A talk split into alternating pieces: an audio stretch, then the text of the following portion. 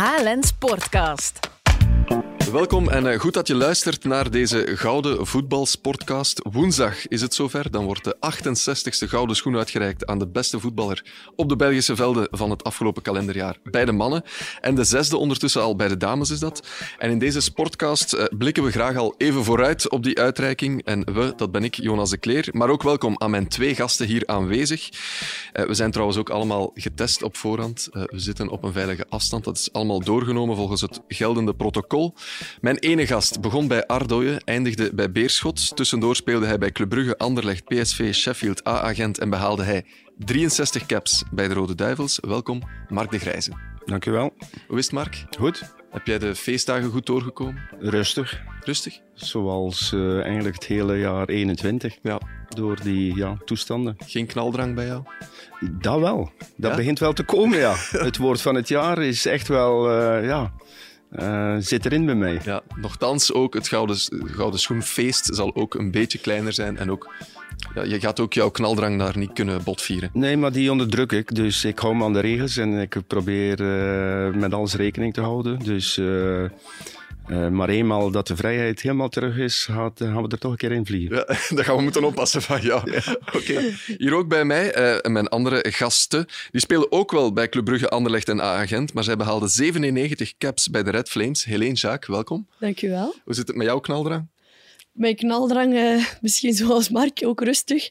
maar ik heb vooral de drang om eens naar het buitenland te gaan en eens goed op verlof te gaan. Ja. maar de knaldrang om echt los te breken, dat is iets minder, maar ik heb dat nooit echt gehad. Maar wel een keer goed op verlof gaan, daar heb ik wel zin in. Ja, oké. Heb jij, doe jij aan goede voornemens voor, uh, bij een nieuw jaar, bij de start van een nieuw jaar? Nee, ik probeer uh, mijn voornemens zo altijd door te trekken. Dus nieuw, nieuw jaar, nieuwe voornemens, nee. Maar ik probeer wel positiever in het leven te staan, sowieso. Uh, maar af en toe een kritische noot, want ik vind dat dat ook moet kunnen. klinkt goed, klinkt goed. Oké. We zijn hier natuurlijk niet om over voornemens, knaldrang of uh, elkaars hertragoe van de afgelopen week te praten, maar wel over de Gouden Schoen, de belangrijkste individuele voetbalprijs van het jaar. Uh, er staat er hier ook eentje naast ons. Het is natuurlijk die van Mark de Grijze. Ik heb hem al eens mogen vasthouden. Jij ook, Helene? Wat was jouw eerste indruk? Ja, mooi hè? Tof. Fantastisch als je zoiets kunt krijgen. Ik denk ja, het is leuk dat dat ook bij de vrouwen nu doorgetrokken wordt. Ik denk als je een individuele prijs kunt krijgen, is altijd iets extra. Ik kan er niet over meespreken, maar ik denk dat Mark dat wel zal kunnen vertellen of beamen. Ja, wat doet dat, Mark, zo'n zo individuele prijs winnen? Um, nou ja, je bent, eens dat je hem gewonnen hebt, ben je altijd een gouden schoenwinnaar. Dat, uh, dat wordt altijd uh, ja, gemeld bij jouw cv. Dat staat, uh, dat staat goed. En ehm, eenmaal dat je hem wint, ja, heb, heb je zoiets van: oké, dit kan je afvinken. Mhm. En uh, ik vind het, ja, er zijn echt ook goede voetballers die hem niet gewonnen hebben ook. Uh, dus eenmaal dat je erbij bent, ja, bij dat select groepje, is toch iets speciaals. Ja, ja. Jij won hem in 1991. Wat zijn zo de gevolgen als je een gouden schoen wint? Opent dat meer deuren? Stap je dan met die gouden schoen naar uh, de, de manager en vraag je een contractverbetering? Of hoe, hoe zit dat? Uh, je slaat een nagel op de kop, in mijn geval toch tenminste. Want ik zat toen in mijn tweede jaar bij, bij Anderlecht en ik had een driejarig contract getekend. En na de gouden schoen en uh, ja, de naloop daarvan heb ik dan een nieuw contract uh, bij Anderlecht getekend voor vijf jaar. Verbeterd? Verbeterd. Ja, ja dat, dat is in de voetbalwereld meestal zo. Als je een nieuw contract tekent en zeker als je met... Ja, je, het helpt wel. En opent dat ook deuren naar bijvoorbeeld interesse van andere clubs? Ja, maar goed, dat kan, dat kan. Maar in mijn geval was dat toen niet het geval. Uh, ik denk ook eerlijk gezegd niet. Ik, eh, voor het buitenland, of ze daar echt uh, of ze daar rekening mee houden, dat, dat, mhm. dat kan ik niet inschatten. Uh, maar zo, sowieso, als je, ja, iedereen heeft een makelaar, die pakt daar wel mee uit. die, die laat dat wel weten, jongens. hij heeft de houden schoen gewonnen. je kan er niet meer naast kijken. Dus dat, dat speelt zeker een rol. Dus ja, dat staat gewoon geweldig op jouw cv. Ja, en waar staat dat bij jou thuis? Staat dat uitgestald? Kan iedereen dat zien? Of is dat... Nee, nee in mijn uh, bureaukamer, waar, okay. ik, uh, waar ik mijn papierwerk doe. Uh, ik, ik, vind niet dat dat in de living hoort. ik heb hem nu meegebracht omdat je het gevraagd ja, hebt. Ja. Maar nee, ja dat, dat hoort niet, niet uh, iedereen te zien. In, in, uh, meteen als je de deur open doet in de living, als je bezoek krijgt, uh, om daar weer over te praten. Nee. Als, hem, als hem vraagt, haal ik hem niet uit de kartonnen doos, want dat vind dat ik wel erg zijn. Nee, maar hij staat mooi. Ik zit er recht op te kijken, dus ja. ja iets bescheidener in, in je bureauruimte ja. weg, weggestoken. Ja. Oké. Ja, de Gouden Schoen van dit jaar, dat kan wel eens een bloedstollend spannende editie worden, want je hebt van die edities waarbij duidelijk is, ja, dat is de uitgesproken favoriet, of het wordt een tweestrijd. Maar ik heb het gevoel, dit jaar kan alle kanten uit. Heb jij dat ook, Helene? Ja, ik heb dat zeker. Um, omdat er ja, alle ploegen die hebben het soms wel laten afweten. Dan zijn er uitschieters geweest. Maar je hebt nu Union die, uh, die toch de bovenhand haalt. Genk in de tweede seizoen, zelfs van vorig seizoen, die ook uh, een heel goede tweede ronde speelt. Uh, Club Brugge die een mindere periode had. Veel speelsters van dezelfde club. Dus je hebt Oenda van Zijr, Union. je hebt dan drie personen van Club Brugge. Van Naken, Lang, de Ketelaren. Gaan die van elkaar punten afsnoepen, al dan niet. Je hebt dan nog Ito en Onwachu van Genk. Uh, dat zijn de favorieten, maar hm. ze kunnen misschien onderling van elkaar ook wel wat punten afsnoepen. En uh, daardoor is het ook ja, heel leuk om te kijken van wie zal het worden. Ja. Want voor alle duidelijkheid, inderdaad, er wordt gestemd op een kalenderjaar, dus geen voetbalseizoen. Dat wil zeggen dat we dus stemmen van januari tot december 2021. En ja, om even in herinnering te brengen, dat was, ja, Club Brugge werd natuurlijk kampioen vorig seizoen, maar hun play-offs waren niet goed. Daar was Genk uitstekend. 16 op 18 hebben ze daar gehaald. Eigenlijk is er niet echt één ploeg die tijdens dat hele kalenderjaar constant heeft gepresteerd. Hè? Nee, en het is, het is wel goed te zeggen, het is een heel kalenderjaar, maar die wel opgesplitst is in twee delen. Uh, dus van januari tot en met mei, tot aan het einde van de play-offs, mm -hmm. waar dat je dan inderdaad een kampioen en een bekerwinnaar hebt. Dus daar moet je eigenlijk bijna al kiezen voor spelers van, ja, uh, van een ploeg die iets gewonnen heeft.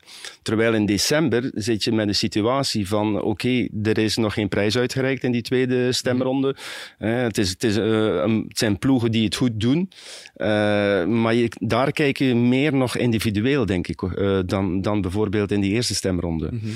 Dus, en, en inderdaad, uh, als ik zelf kijk, want als ex-gouden schoenwinnaar mag je ook stemmen. Dat is ook nog een uh, leuk ja, bijkomstigheidje. Dus je hebt uh, twee keer drie spelers die je moet opgeven. Dus ik heb zes spelers, zes spelers punten gegeven. En ik heb zes verschillende spelerspunten gegeven. Oh. Dus er is niemand die meer dan drie punten heeft gehad bij mij. En dat is niet dat je dat elk jaar doet, dat is niet een principe nee. van jou of zo? Nee, ja, je, je, er zijn jaren dat je de eerste stemronde iemand eerst en tweede of tweede geeft. En dan de tweede stemronde, als hij het even goed heeft gedaan, geef je hem nog eens drie of twee punten. Ja. Dan heb je een duidelijke favoriet. Als je vier, vijf of eventueel zes punten uh, hebt gegeven aan ja, de kandidaat winnaar. Ja. Maar in, in, in, mijn geval, en ik hou daar inderdaad ook rekening mee van uh, per club, de drie kandidaten bij een club. Uh, heb ik die al punten gegeven? Is dat een absolute favoriet omdat hij het hele jaar goed gespeeld heeft? Ja, ik heb niemand gevonden die, die er bovenuit steekt uh, in de twee stemrondes. Ja. Dus ja, ook bij jou zes verschillende namen. Ja. En ik ben eens op onze sportredactie gaan horen.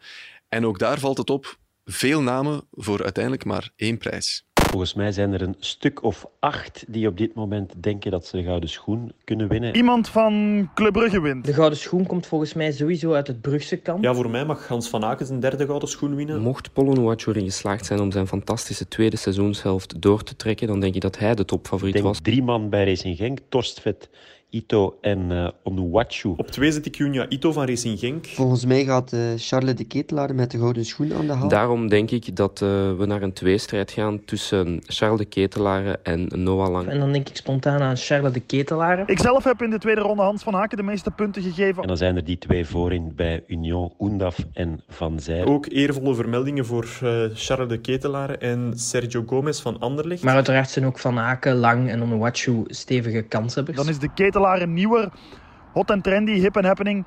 Dus ik denk dat hij een woensdag wint. Kiezen is verliezen. Ja, dus veel verschillende namen zoals je hoort. Um, belangrijk ook om te vermelden is, je mag eigenlijk alleen rekening houden met hun prestaties in België.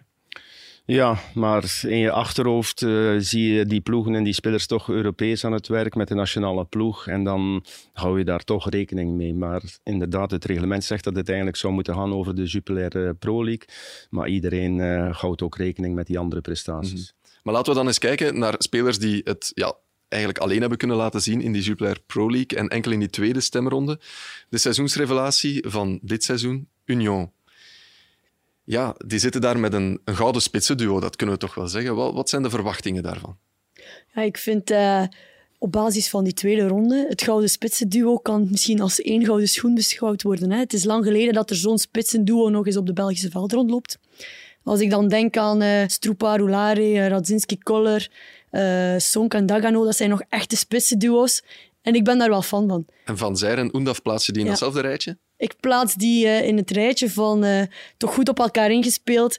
Eh, heel belangrijk voor elkaar, met elkaar spelende, ook snelheid, grinta. Spelers die echt een bepaalde grinta hebben in hun acties. Ehm, ja, ze doen het heel goed. Iedereen dacht het zal van voorbijgaande aard zijn. Maar ze blijven toch mooi meedraaien voorin of bovenaan het klassement. Ik ben benieuwd nu eh, na de winterstop hoe dat ze het dan zullen doen. Maar het is een leuke, aangename verrassing om die twee bezig te zien. Ja, je zou kunnen stellen dat ze zelfs vorig seizoen, dat was dan in 1B, ook al goed bezig waren, maar dat, ja, dat komt niet onder de aandacht. Hè. Maar als je kijkt ook naar hun statistieken daar, van zij scoorden eh, in 1B 19 keer, Oendaf 17 keer. Nu zitten ze respectievelijk aan 11 en 16.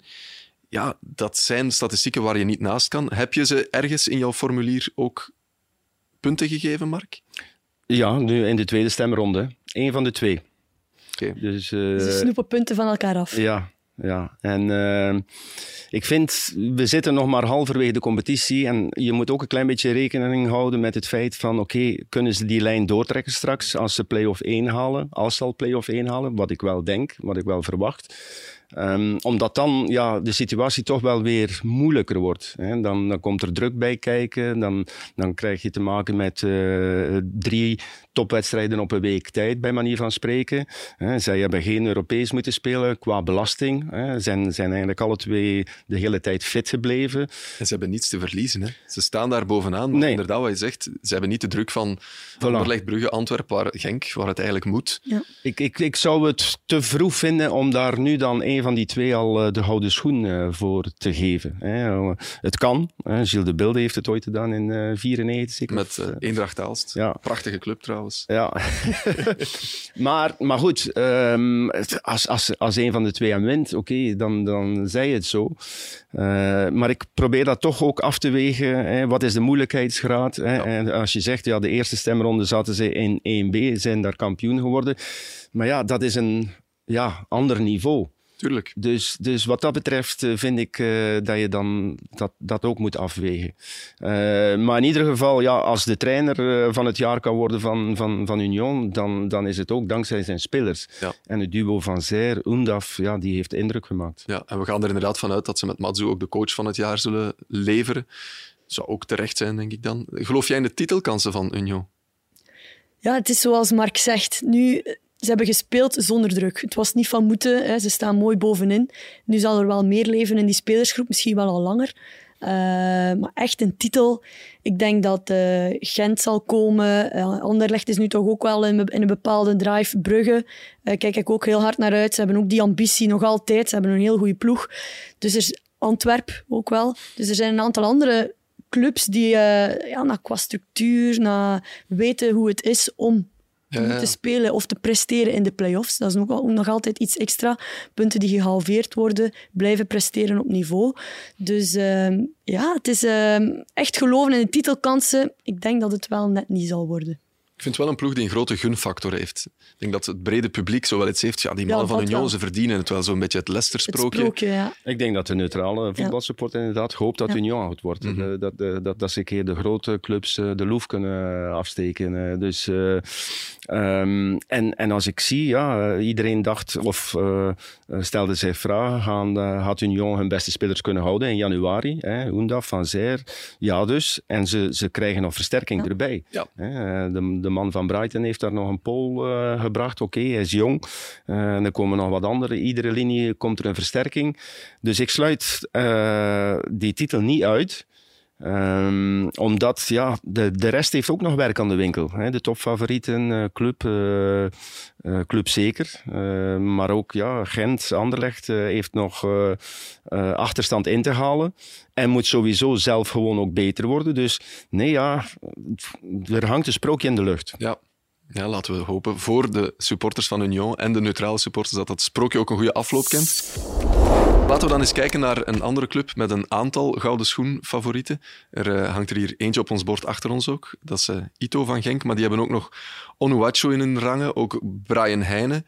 Met wie van Genk moeten we rekening houden om die gouden schoen te winnen? Ja, Ito Onuachu. Als je puur naar de statistieken kijkt, Onuachu heeft het goed gedaan. Ondanks dat uh, Genk in een mindere periode zit. Uh, Ito is de frivole voetballer. Zorgt voor die aanvoer naar voren toe. Um, ja, is heel beslissend in wedstrijden. Dus ja, naar die twee namen denk ik vooral kijken. En Brian Heijnen is gewoon de stille kracht op het middenveld. Maar steekt er qua naam iets minder hard bovenuit voor het moment.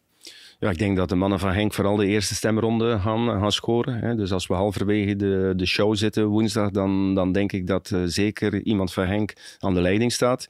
Uh, bekerwinst en geweldige play-offs. Net te korte schotten om club toch nog uh, die mm-hmm. kampioenstitel af te pakken. Speelden echt goed, aantrekkelijk voetbal. Met inderdaad Onuachu als ja, uh, koploper, topschutter, profvoetballer van het jaar geworden. Onuachu, die zijn cijfers zijn best wel indrukwekkend als je dat bekijkt. In 50 wedstrijden, 31 doelpunten. Hij werd niet alleen topschutter uh, qua individuele prijs, werd dan ook nog een keer vice-kampioen, uh, bekerwinnaar.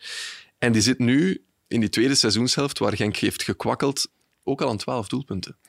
Ja, dat is een beetje ondergesneeuwd, omdat de prestaties van Henk natuurlijk zo mm-hmm. tegenvielen. En hij begon de competitie ook moeilijk, want hij verwachtte eigenlijk een transfer. transfer ja. Ik weet nog dat Van den Brom hem in de wedstrijd, denk tegen Oostende, niet gebruikte, omdat hij er niet klaar voor was. Uh, daarna is hij dan wel weer uh, teruggekomen in de ploeg en ook wel belangrijke doelpunten gemaakt. Uh, ook weer Europees, dacht ik. maar ja, hij, hij is mee weggegleden toch een beetje in dat moeras van, van Genk. en, en ja, individueel was dat nog wel oké, maar niet voor te zeggen, het was dezelfde Onuachu als wat die topschutter en de beker mee won en de play-offs uh, in de eerste helft uh, bijna won. Dus Um, en omdat de concurrentie in die tweede stemronde ook gewoon beter was. Dus, uh, maar de eerste stemronde, voor mij, Onuachu, zeker uh, de primus. En dan, dan toch, ja. Ja, ik ja. denk het wel, geflankeerd door, Ito. Uh, Bongonda gaat misschien Bongonda, Torsvet, maar ja, dat, dat, zijn er ook al drie, vier van dezelfde ploeg. Uiteindelijk is ook Club nog wel kampioen geworden. Hè. Die hadden toen een hele goede reeks, januari, februari. Speelden slechte play-offs. Dus die play-offs zijn, zijn, zijn wel belangrijk, misschien wel doorslaggevend. Vandaar misschien dat er ook uh, stemgerechten de drie Genk-spelers gaan uh, in de eerste stemronde 1, 2 en 3 zetten. Kan ook. Maar ook daar weer ja, niet altijd in dezelfde volgorde. Ja, en eigenlijk is het erg hoe, hoe sterk Racing Genk vorig seizoen eindigde, hoe slap ze dan aan dit seizoen zijn begonnen eigenlijk. En dat gaat hun waarschijnlijk play-off 1 in dit seizoen kosten en een gouden schoen. Kan zomaar. Het kan zomaar, maar het is uh, heel onvoorspelbaar. Hè. Er zijn uh, veel kandidaten. Iedereen gaat van iedereen punten afsnoepen. Um, maar aan de ene kant is het wel jammer voor die tweede seizoenshelft van Genk. En zeker in de play-offs hebben ze het formidabel gedaan. Spelers als Ito brengen toch iets op onze velden. Een Watcho als targetspits ook. Dus uh, ja, het zou jammer zijn. Dat is, is Ito geen onderschatte speler? Ik zie die heel graag spelen. Die, uiteindelijk die zijn passing is ongelooflijk efficiënt. Die is snel, die is frivol, mooie stijl.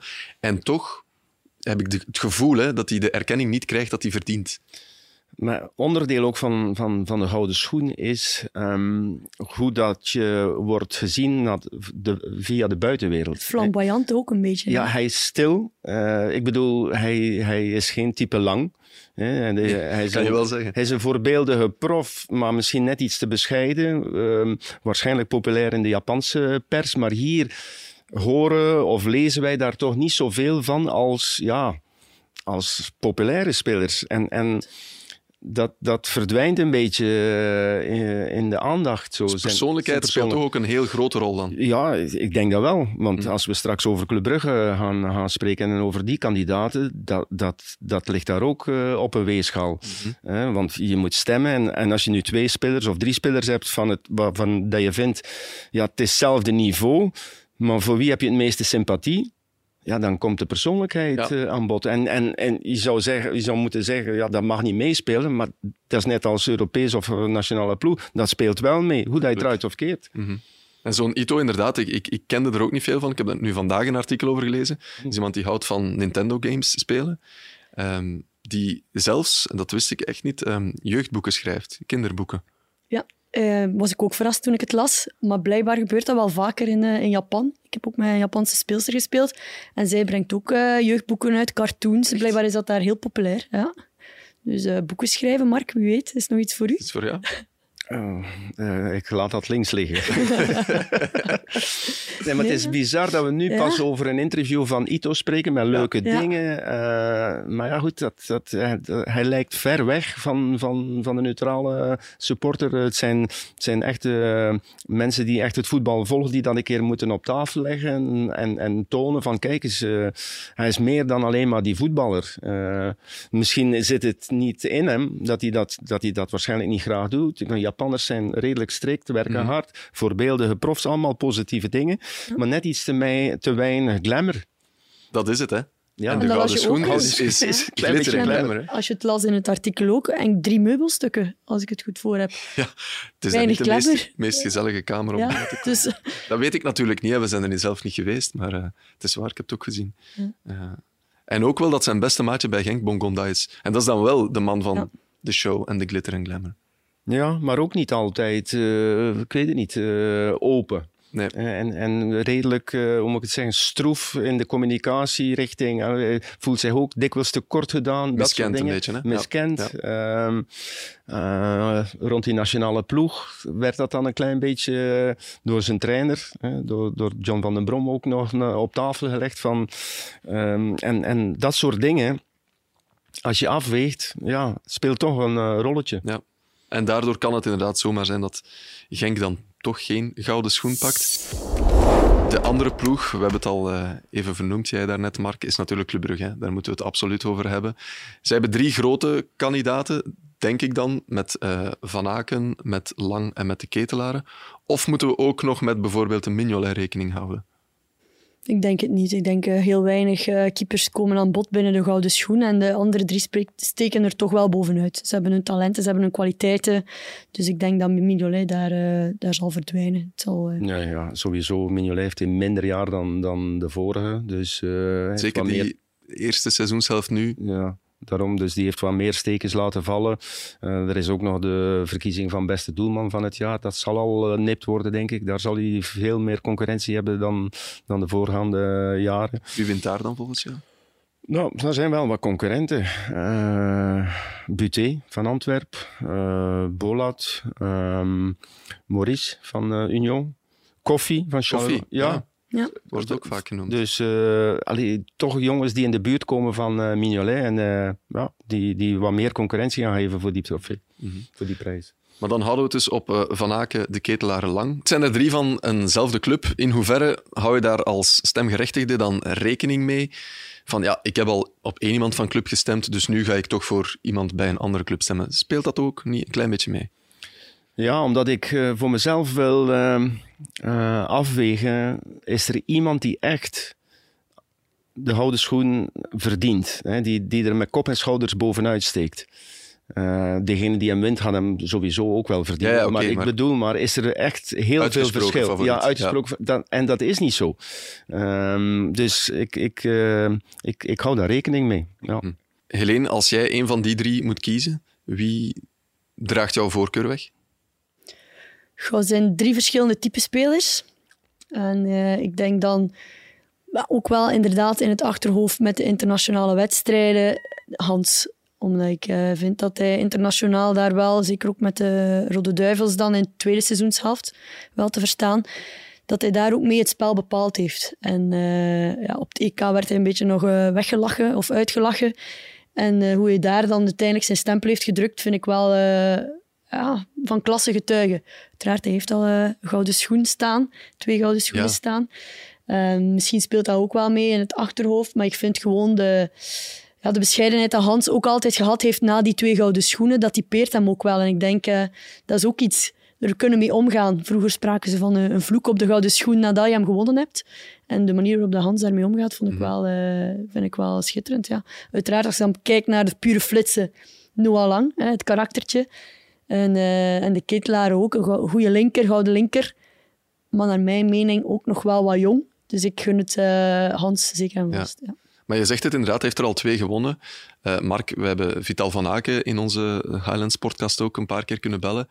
En die zegt net dat dat in het nadeel zal spelen van Hans van Aken. Dat mensen denken, ja, die heeft er al twee, dus ik ga nu toch Hans niet op één zetten. Of misschien zelfs niet in mijn top drie meenemen.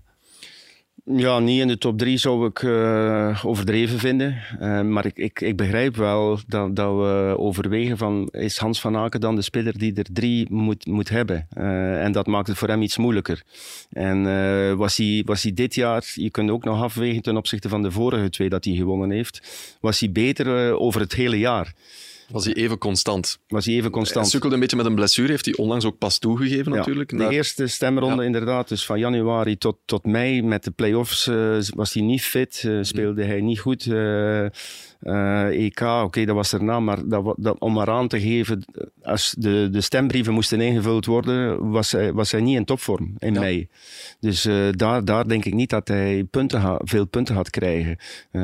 dus, dus als je dat dan afweegt ten opzichte van zijn twee vorige gouden schoenen, denk ik dat hij toen wel het hele jaar echt wel goed was. Nog maar zijn tweede seizoenshelft, of eh, laten we zeggen dit voetbalseizoen, ja. steekt hij er dan natuurlijk wel ja. met kop en schouders bovenuit. Dat iedereen zichzelf afvraagt, wat doe je nog in de Jupiler Pro League? Ja, wel. Er zijn stemmen die daar ook voor op gaan. Hè? Die... Ja. Maar met kop en schouders is misschien ook met momenten. overdreven bij met momenten. momenten. Ja. Ja. Hij, was, hij was goed. Hè? En vooral zijn doorbraak met de nationale ploeg en Europees uh, Champions League zijn doelpunten. Um, heeft, heeft Club Brugge ook niet helemaal de, de, de Belgische competitie kunnen laten domineren. Hè? Wat je ook mag verwachten van een tweevoudige gouden schoenwinnaar. En die dan Europees en, en met de nationale ploeg helemaal doorbreekt. Dus, uh, maar ja, goed, hij is gewoon heel goed. Mm -hmm. uh, maar, maar als hij hem zou winnen, dan zal hij niet zoveel voorsprong hebben, denk ik, als bij zijn vorige twee. Ja, ik onthoud dat het moeilijk wordt voor Hans van Aak om die derde te pakken. Ik denk dat wel. Ik denk wel dat, uh, dat ik niet de enige ben en dat zijn vader dat echt wel juist inschat, dat uh, de stemgerechtigden dat afwegen. Uh, die de geschiedenis kent van de Gouden Schoen, zetten hem naast Jan Keulemans, Wilfried van Moer en om, om maar iets zijn te monumenten. Bij, bij de jonge harde, denk ik, speelt dat minder. Bij de jonge stemgerechten gaat dat minder spelen. Uh, dus ja, maar in ieder geval, de tweede stemronde uh, staat hij ook op mijn, uh, op mijn lijst. Ja. ja. En laten we dan eens kijken naar zijn concurrentie binnen de eigen ploeg. Noah Lang, inderdaad, man van, van de flitsen. Man van ook wel glitter en glamour, kunnen we zeggen. Maar is het een man die de gouden schoen kan winnen? Ja, ik denk het wel. Um, op termijn ik denk nu misschien net iets, net nog niet genoeg, maar um, na karakter. Hij is een karaktertje, niet iedereen ziet dat graag. Dan komen we terug uit op die persoonlijkheid. En dat gaat dan misschien ook ten koste gaan van stemmen. Um, maar als je even losdenkt, door die persoonlijkheid heen kijkt en puur qua flitsen en, en het spel bepalen en uh, belangrijk zijn, dat is hij wel voor Brugge. Dus uh, puur qua kwaliteit en heeft hij zeker potentieel om ooit een gouden schoen te winnen. Maar opnieuw, het, uh, persoonlijkheid, de sympathie dat je opbrengt, is helaas de laatste weken niet al te positief geweest. En dat zal misschien ook wel een rol spelen dan. Nochtans, ik vind dat wel, het is dan wel een voetballer waarvoor je naar het stadion komt. Ja. En je weet dat, dat zijn karaktertjes, een, een Raja Nainggolan is dat ook, en dat is soms is wat negatief, maar dat is heel vaak positief en vooral verschrikkelijk mooi voetbal dat die brengen. Dus als, als soort van neutrale supporter ik kijk zeker heel hard naar Lang als ik naar Club Brugge aan het kijken ben, toch? Helemaal mee akkoord. Maar ja, goed, uh, niet iedereen uh, redeneert zo. En zeker ook niet de stemgerechtigden. Die, die kijken ook naar... Uh, we hebben over Ito gesproken, over glamour en glitter. Maar ook over hoe gedraagt hij zich als prof. En hoe gedraagt hij zich ten opzichte van de buitenwereld, ten opzichte van kritiek? Als er kritiek wordt gegeven, dat hoort erbij in, in het voetbal. Het is niet een gentleman zoals Refailov bijvoorbeeld. Nee, nee. En, en als je lang qua persoonlijkheid en karakter naast de ketelaren en Van Aken legt, ja, dan gaat hij daar punten door verliezen. Toch, ja? Ja, daar dat, dat, dat, ben ik van overtuigd. Mm -hmm. uh, als je weer de, de, drie naast elkaar legt en je vindt, oké, okay, uh, ze zijn alle drie evenveel punten waard. En dan kijk je naar de karakters, dan gaan de meeste mensen stemmen op Van Aken of de Ketelaren. Ja. Dat denk ik. Ja, laten we het dan eens hebben over Charles de Ketelaren. Hij is jong, nog ja. altijd, maar 20 jaar. Sommigen beweren, hij is te jong om de gouden schoen te winnen mag eigenlijk niet uitmaken, denk ik, dan de leeftijd. Nee, nee vind ik ook niet. Ik, ja, ik, ik denk eerlijk gezegd dat uh, hij de favoriet is. Is hij de topfavoriet? Ja? ja. Ehm, volgens mij heeft is hij verleden jaar vijfde geworden. Ehm, en toen... En belofte van het jaar, dat zal hij dit jaar ook wel winnen. Ja, nou ja, eerlijk gezegd, ik, ik stem niet meer op de Ketelaar als belofte. Nee. Nee, ik, ik- ja. ik vind dat hij eh, ja, de kandidaat gouden schoenwinnaar en, en als hij dat niet wordt, dan vind ik eh, geen belofte meer. Dat, dat, dat stadium is die voorbij. En dan moet je eigenlijk eh, niet meer naar de leeftijd kijken, vind ik. Mhm. Eigenlijk moet je belofte van het jaar maar één keer mogen winnen. Oké, Nee, dan we moet gaan je- dat doorgeven. Ja, ja, ja. Regels komende jaren. Ja, ik vind dat dan, eh, als je dan niet doorgroeit, eh, of eh, ja, je moet één keer winnen en dan, dan, dan is dat voorbij. Maar goed, dat is mijn persoonlijke interpretatie. Mag je, Mark? Maar nee, de Ketelaar is, had populair zijn, veel stemmen krijgen, omdat hij natuurlijk een immens talent is. Eh, misschien denken mensen ook van, oké, het is zijn laatste kans, want volgende zomer is hij toch weg. Bij Noah Lang Bij ook? Lang misschien ook wel. Bij Van Eh, Aken misschien Maar ook. dat zijn allemaal, ja, en Van Aken minder. Omdat je daarvan weet, eh, misschien blijft hij wel geen zijn carrière. Misschien wint hij wel zes gouden schoenen. Ja, als hij nog vijf jaar dat- ja, ja, ja. bij Club Brugge blijft. Het zijn allemaal dingen dat je toch, vind ik, als je die stemming au serieus neemt, dat je, dat je daar rekening mee houdt. En, en denkt van, oké, straks eh, is eh, Charles de Ketelaar weg naar het buitenland en nemen we ons al, met ons allen zelf kwalijk van, hoe is het mogelijk dat Charles de Ketelaar, die binnen drie jaar aan de top van Europa speelt, dat we hem nooit de gouden schoen hebben gegeven. Hij heeft absoluut wel dat Golden Boy imago, dat, dat heeft hij wel. Hè? En, en, en op zich ook, hij is niet zo de, de stoute bad boy zoals Noah Lang, maar op zich vind ik hem misschien wel net iets meer glitter en glamour uitstralen dan bijvoorbeeld een Hans van Aken. Ja, misschien wel iets uitgesprokener, maar het is ook een linksvoetige speler. En ik denk, linksvoetige spelers hebben altijd dat tikkeltje extra. Waarom? Geen idee. Maar dat straalt hij ook wel uit in zijn acties. Hè. Het korte draaien, de wendbaarheid wel. eh, ja, Hans van Aken is meer van de, spel verdelen, de doorsteekpas. En eh, de Ketelaar is meer van eh, ja, de korte actie, trappen naar doel ook. Dus, en ook, ja, hij komt ook veel in de media op een positieve manier. straalt echt iets, wel iets uit. Maar waar ik vooral benieuwd naar ben, is hoe gaat eh, de Ketelaar om met een nieuwe coach? Hij heeft altijd onder de vleugels gewerkt van, van Clément. En nu een nieuwe coach. En, en ik ben benieuwd hoe hij daar ook mee gaat omgaan. Hij heeft wel gepresteerd in de Champions League-wedstrijden. En voor hem ook, denk ik, een belangrijke stap om een ander, onder een andere coach te werken. En kan hij dan die lijn terug doortrekken? Daar zou ik niet aan Ehm, twijfelen. Daar zou ik echt niet aan twijfelen. Ik denk, eh, wat dat betreft, is echt een verstandige jongen. eh, die alles gaat doen wat dat zijn trainer vraagt. Voorbeeldige mentaliteit. Ehm, hij heeft snelheid ondanks zijn lengte. Ja. Hij heeft eigenlijk alle kwaliteiten om, om echt helemaal die stap naar de top te zetten, Europees dan. Ehm, en ja. Eh, ik zie geen enkele reden waarom. eh, en wat ik nog wou zeggen, zijn scorend vermogen is de laatste, ja, Laatste t- twee maanden. Maanden, Enorm inderdaad. ja. ja. Wat ik op een zeker moment herinner ik me nog dat ik in september of oktober zei van ja, hij, hij moet eh, zichzelf meer belonen door beter af te werken, beter naar doel te schieten op de juiste momenten. En eh, ja, zeg maar. Geluisterd. In de decembermaand, ja, met, met de wedstrijden daar tegen Genk, voor de beker en voor de competitie. En nog andere wedstrijden in Leuven en zo. eh, dus thuis tegen Standaard. Begon hij ineens te ontploffen. En ja, dat moest ook wel komen, vind ik. En ik denk dat dat ja, qua timing niet beter kon passen. Juist voor de tweede stemronde. De, de, de Ja. bulletins moesten ingevuld worden. Want dat is wel, je kan, je kan zeggen van ja, het is een talent. En, eh, maar de efficiëntie en de statistieken moeten op een zeker moment ook wel komen. Als je daar vooraan of aanvallende middenvelder speelt, dat hoort daarbij. En die zijn nu toch eh, ja, op niveau de laatste twee maanden. Ja. Wat ik interessant vond, wat jij Helene zei, is... ehm, eh, ja, hij is, is, en jij ook, hij is voorbeeldig. Hij is eh, een beetje zo wat posterboy. Vraag me soms af, is, is hij misschien niet soms te braaf om misschien op die Nee. internationale top eh, genoeg af en toe zijn ellebogen te kunnen gaan gebruiken? Dat denk ik niet. Nee, Ik denk niet dat hij op het veld is hij niet zo braaf. In de zin van, hij gaat er altijd voor. Hij durft ook echt in duel gaan. Het is niet dat iemand die hem altijd laat vallen of zo. Eh, nee, dat denk ik niet. Nou ja, misschien moet hij daar nog wel in groeien in de zin van eh, dat hij een keer zijn stem mag verheffen in de ploeg. Maar het is een aanvaller, dus, en er staan toch eh, Van Aken, Vormer staat achter hem in de ploeg.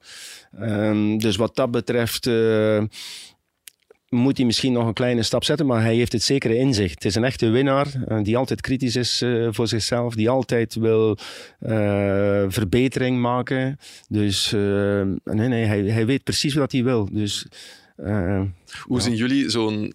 Want het is toch een van onze grootste jonge talenten. Mhm. Dat weet iedereen. Heel veel Europese topclubs zijn hem ook aan het volgen. Zal zelfs op het lijstje van Real Madrid staan. Een lijstje, ik denk dat dat een hele lange lijst is natuurlijk.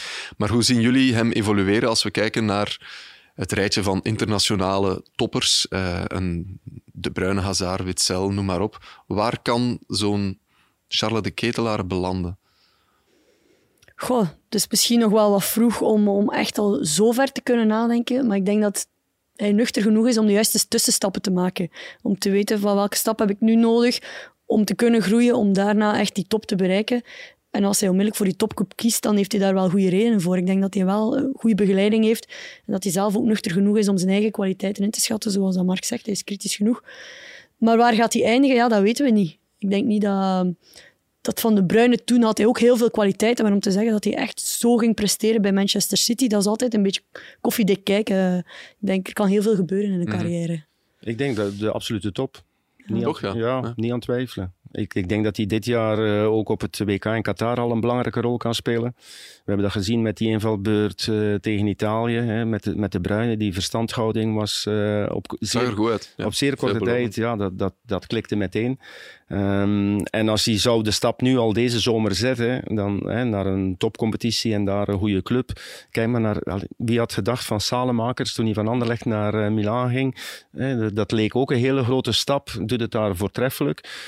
Op zich denk ik dat de ketelaar nog meer eh, talent heeft dan, dan Salemakers. Dus ja, veel hoger dan AC Milan eh, zit er niet meer in. Hè. Eh, die die staan ook weer aan de top in, Ja. in Italië. Dus wordt dat, ja, weet ik veel, City of een andere topclub, dat, dat moeten we nog afwachten. Maar dat je daar rekening moet mee houden, ja, daar ben ik 100% van overtuigd. En hij lijkt toch wel de grote topfavoriet aan te zijn voor deze gouden schoen. Nu, nu, nu, nu duw je hem in een echt... Eh, ik- eh, ja, favoriete ik- Het is een gevoel hè, dat, ik, dat ik van jullie nu krijg. Hè, van, Ik, nee, ik heb gezegd, het is mijn buikgevoel. Mijn buikgevoel zegt dat, dat hij eh, kan winnen en zal winnen. Omdat ik rekening hou met alle factoren die ik heb uitgelegd, hoe dat de mensen stemmen. Ehm, dus dat is mijn buikgevoel. En wat zegt jouw buikgevoel, Helene? Ja, ik kan Mark zeker volgen. Ehm, maar ik denk aan de andere... Ja, nee. Jij ik denkt kan Hans van Aken. Ik denk Hans, nee, Hans van Aken of, eh, of een outsider als, eh, als Ito, maar hij is inderdaad niet flamboyant genoeg. Eh Oendaf die misschien ook eh, tweede ronde punten kan pakken. Of heeft Onuachu punten genoeg in de eerste stemronde? En mensen die ook kritisch kijken naar statistieken, of statistieken in rekening nemen, die toch ook wel gezien hebben dat Onuachu nog altijd scoort. Maar je moet er één noemen, Ja. Helene. Wil je één noemen? Ja, ja, Het moet daarom Eh, niet jouw favoriet zijn, hè, maar gewoon Nee, dat jij zegt, denk- van, wat ik denk toch dat hij gaat winnen. Qua publieke opinie denk ik de ketelaren. Oké, Ja. dat is duidelijk. Ja. Zijn we nog namen vergeten bij de heren? Ik vind het jammer dat Storm misschien wat weinig vermeld wordt in die tweede stemronde.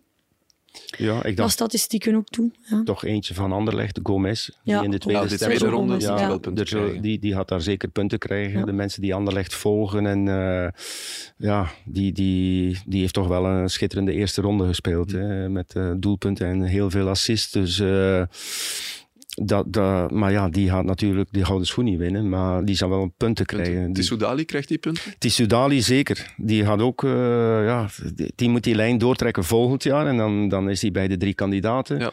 Dat is intrinsiek zeker eh gouden schoen eh, potentieel.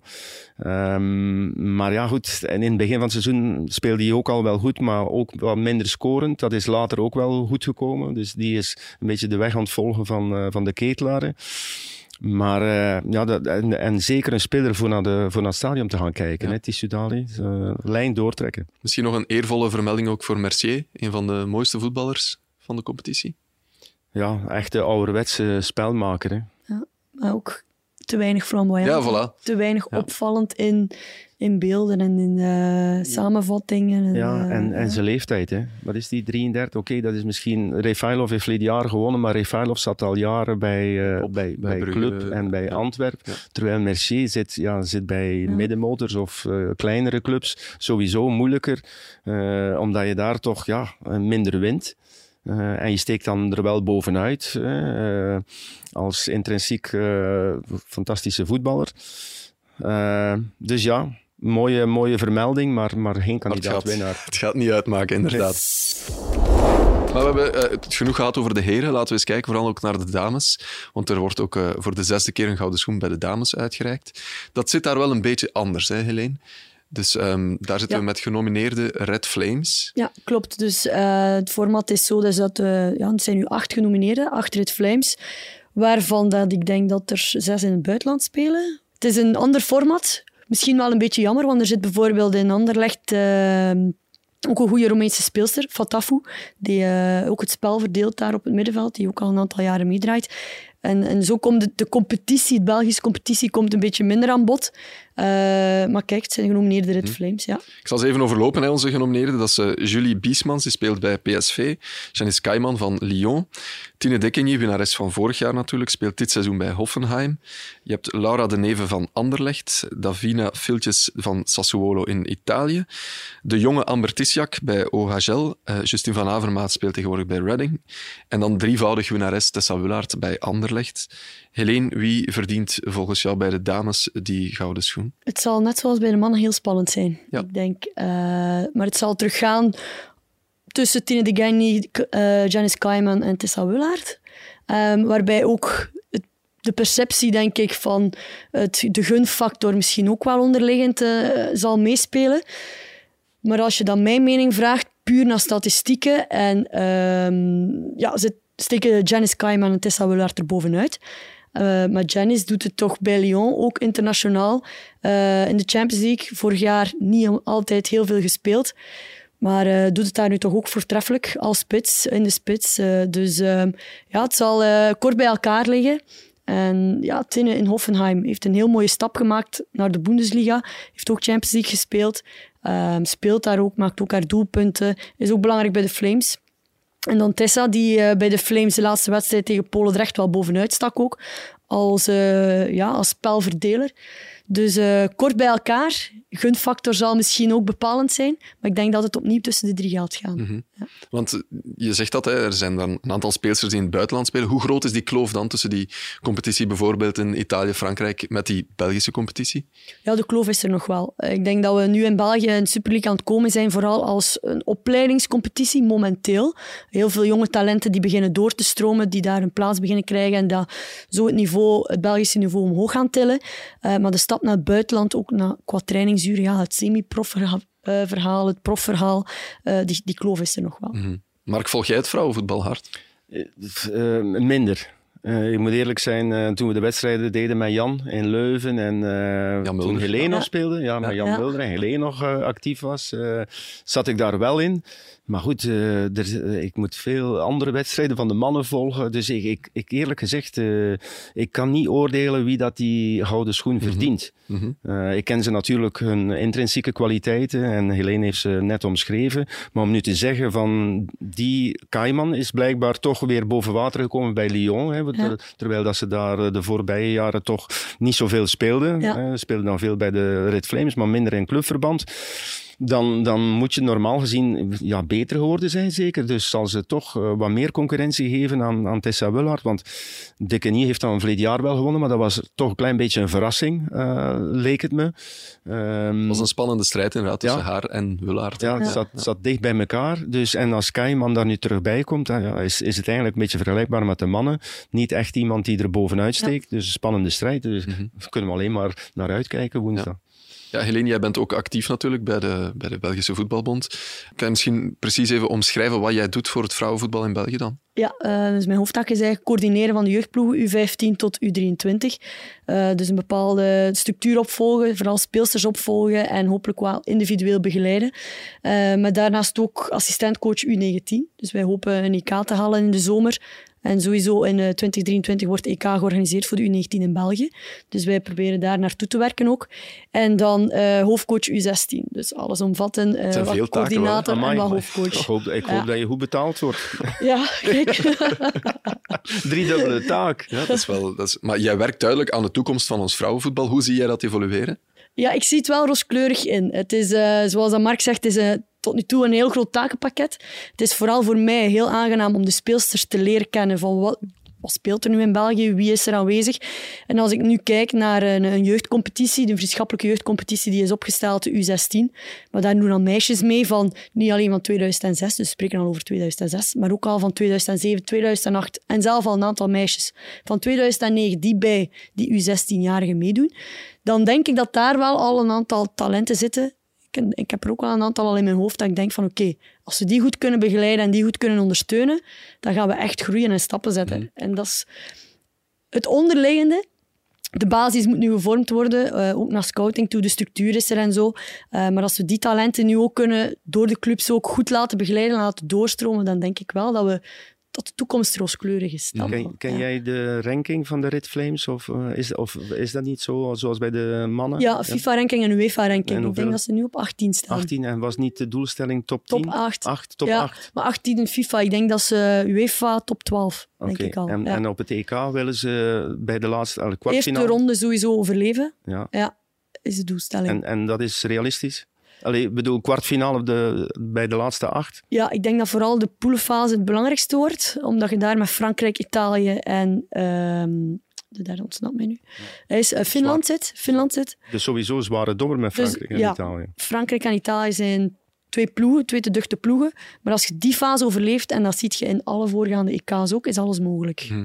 Want het is wel zo dat je merkt dat aan de uitslagen van het internationale eh, vrouwenvoetbal dan. Het zijn vaak extreme uitslagen. Hè. Het gaat dan van 12-0, 9-0. Dus die, die kloof Ja, is wel groot tussen de absolute top Ja. en al de rest. Ja, maar op het EK ga je dat helemaal niet hebben. Mhm. En ik denk dat het echt wel een spannend EK zal worden, waarbij dat veel ploegen aan elkaar gewaagd zullen zijn.